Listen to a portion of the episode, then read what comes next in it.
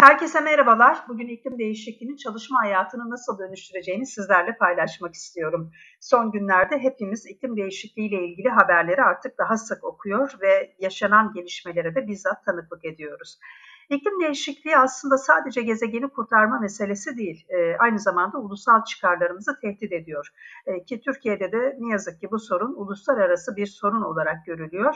E, oysa sosyoekonomik yapımızı tehdit etmeye başladığını söylemek mümkün. Artık tüm bu aşırı hava olaylarını sadece hava durumu olarak görmezlikten gelemeyiz.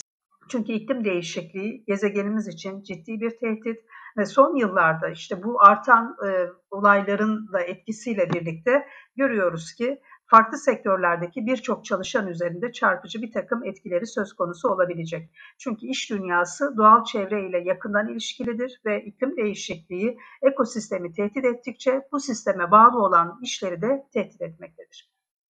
İklim değişikliğinin en az COVID-19 kadar önemli bir sorun olduğunu söyleyebilirim. Çünkü önümüzdeki yıllarda şirketlerin karlılıkları üzerinde e, önemli etkileri olacak. Aşırı hava olaylarının yaşanacağı ülkelerde gerek çalışan sağlığının gerek çalışan refahının daha fazla etkileneceğini, hatta iklim değişikliğinden özellikle düşük gelirli ülkelerin daha fazla e, mağduriyet yaşayacağını söylemek mümkün. Peki bu değişiklikten en çok etkilenecek meslek alanları neler olacak? E, burada tabii bazı meslek grupları sıralayacağım ama sektörel anlamda baktığımızda daha büyük bir alana yayılacağı için etkileri sadece belli başlı meslek grupları olarak sınıflandırmak doğru olmayacaktır. Ama en öne çıkanlar çiftçiler, açık havada çalışanlar, e, finansal planlamacılar, inşaat mühendisleri, doktorlar, atık toplama işlerinde çalışanlar, ulaşım, seyahat ve spor gibi hizmet sektöründe yer alan profesyonellerin iklim değişikliğinden etkileneceğini söylemek mümkün. Sektörel olarak baktığımız zaman da tarım, sanayi, balıkçılık, ormancılık, turizm, ulaşım, sağlık, tedarik zinciri, perakende, finans, sigorta, inşaat alanında etkilerin olacağını söylemek mümkün.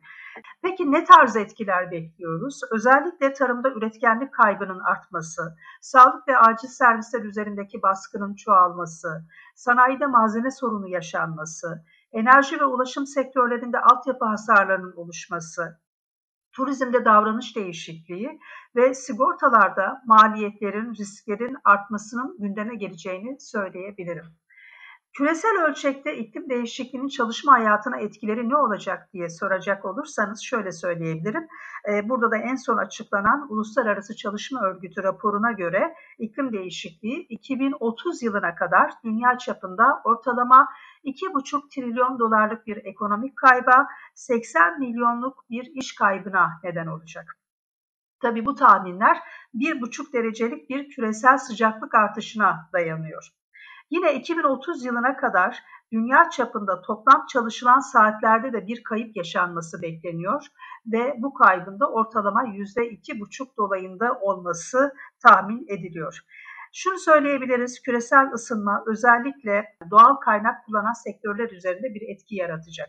İşte Coca-Cola için su kıtlığının yaşanması ya da IKEA için ormansızlaşmadan kaynaklanan işte doğal kaynaklara ulaşamama gibi bir takım sıkıntıların oluşması, gazlı içecek sektörü ya da mobilya sektörü üzerinde bir takım etkilerin olacağını söylemek mümkün. Peki Türkiye sanayisi üzerinde nasıl bir etkisi olacak? Ee, şöyle açıklayayım. Ee, yani Dünya Doğayı Koruma Vakfı tarafından yapılan su riski filtresi çalışmasına göre küresel ölçekte su riski yüksek şehirlerin arasında 10 şehrimiz yer alıyor. Bunlar İstanbul, Ankara, İzmir, Gaziantep, Diyarbakır, Mersin, Konya, Adana ve Antalya. Şimdi bu iller Türkiye ekonomisinin önemli ölçüde ayakta tutan ve sanayileşmenin yoğun olduğu iller. Şimdi biz her zaman su tasarrufu, su verimliliğini konuştuğumuz zaman bireysel kullanımlardan ya da tarımdaki yanlış kullanımlardan söz ediyoruz.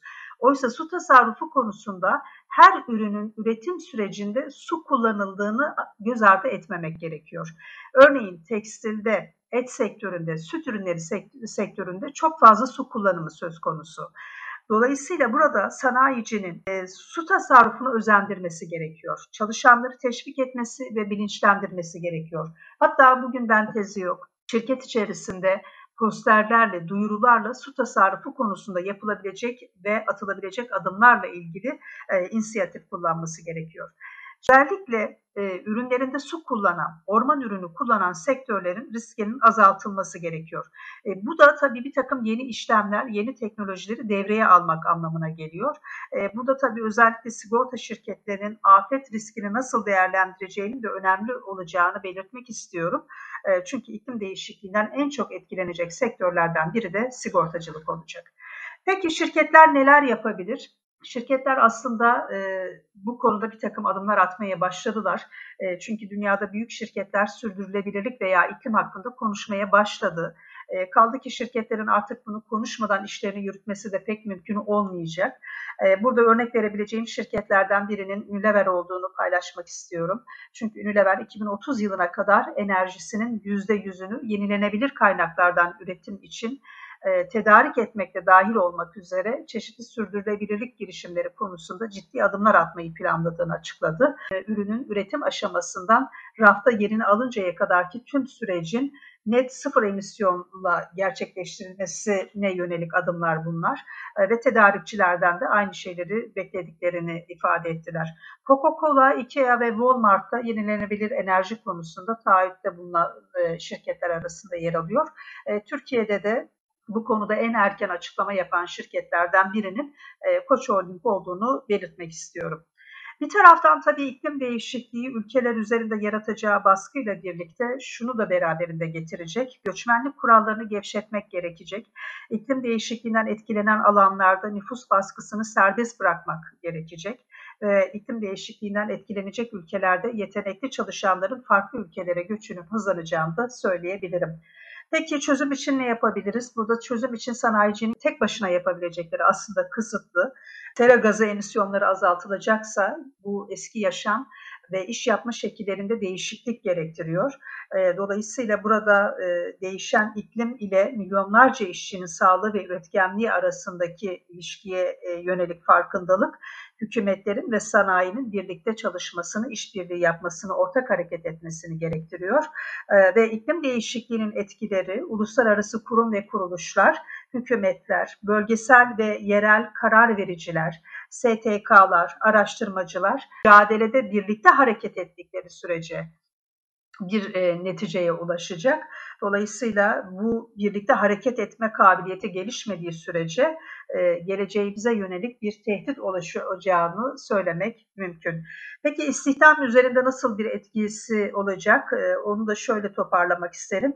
Özellikle yenilenebilir kaynaklara geçişle birlikte e, biyoenerji, jeotermal, hidroelektrik, güneş ve rüzgardan oluşan yenilenebilir enerji sektöründeki iş ilanlarına olan talebin yeşil ekonomi işlerinin çekiciliğinin artacağını söyleyebilirim. Ee, bir taraftan da tabii akademinin artık inşaat mühendislerini, şehir plancılarını, şehir yöneticilerini, mimarları iklim değişikliğiyle nasıl başa çıkacakları yönünde eğitmeleri de gerekiyor. Ee, bu da üzerinde durulması gereken alanlardan birisi. Umuyoruz ve diliyoruz ki ülkemiz için artık yaşanan tüm bu aşırı hava olayları sadece hava durumu olarak görülmez. Beni dinlediğiniz için teşekkür ederim.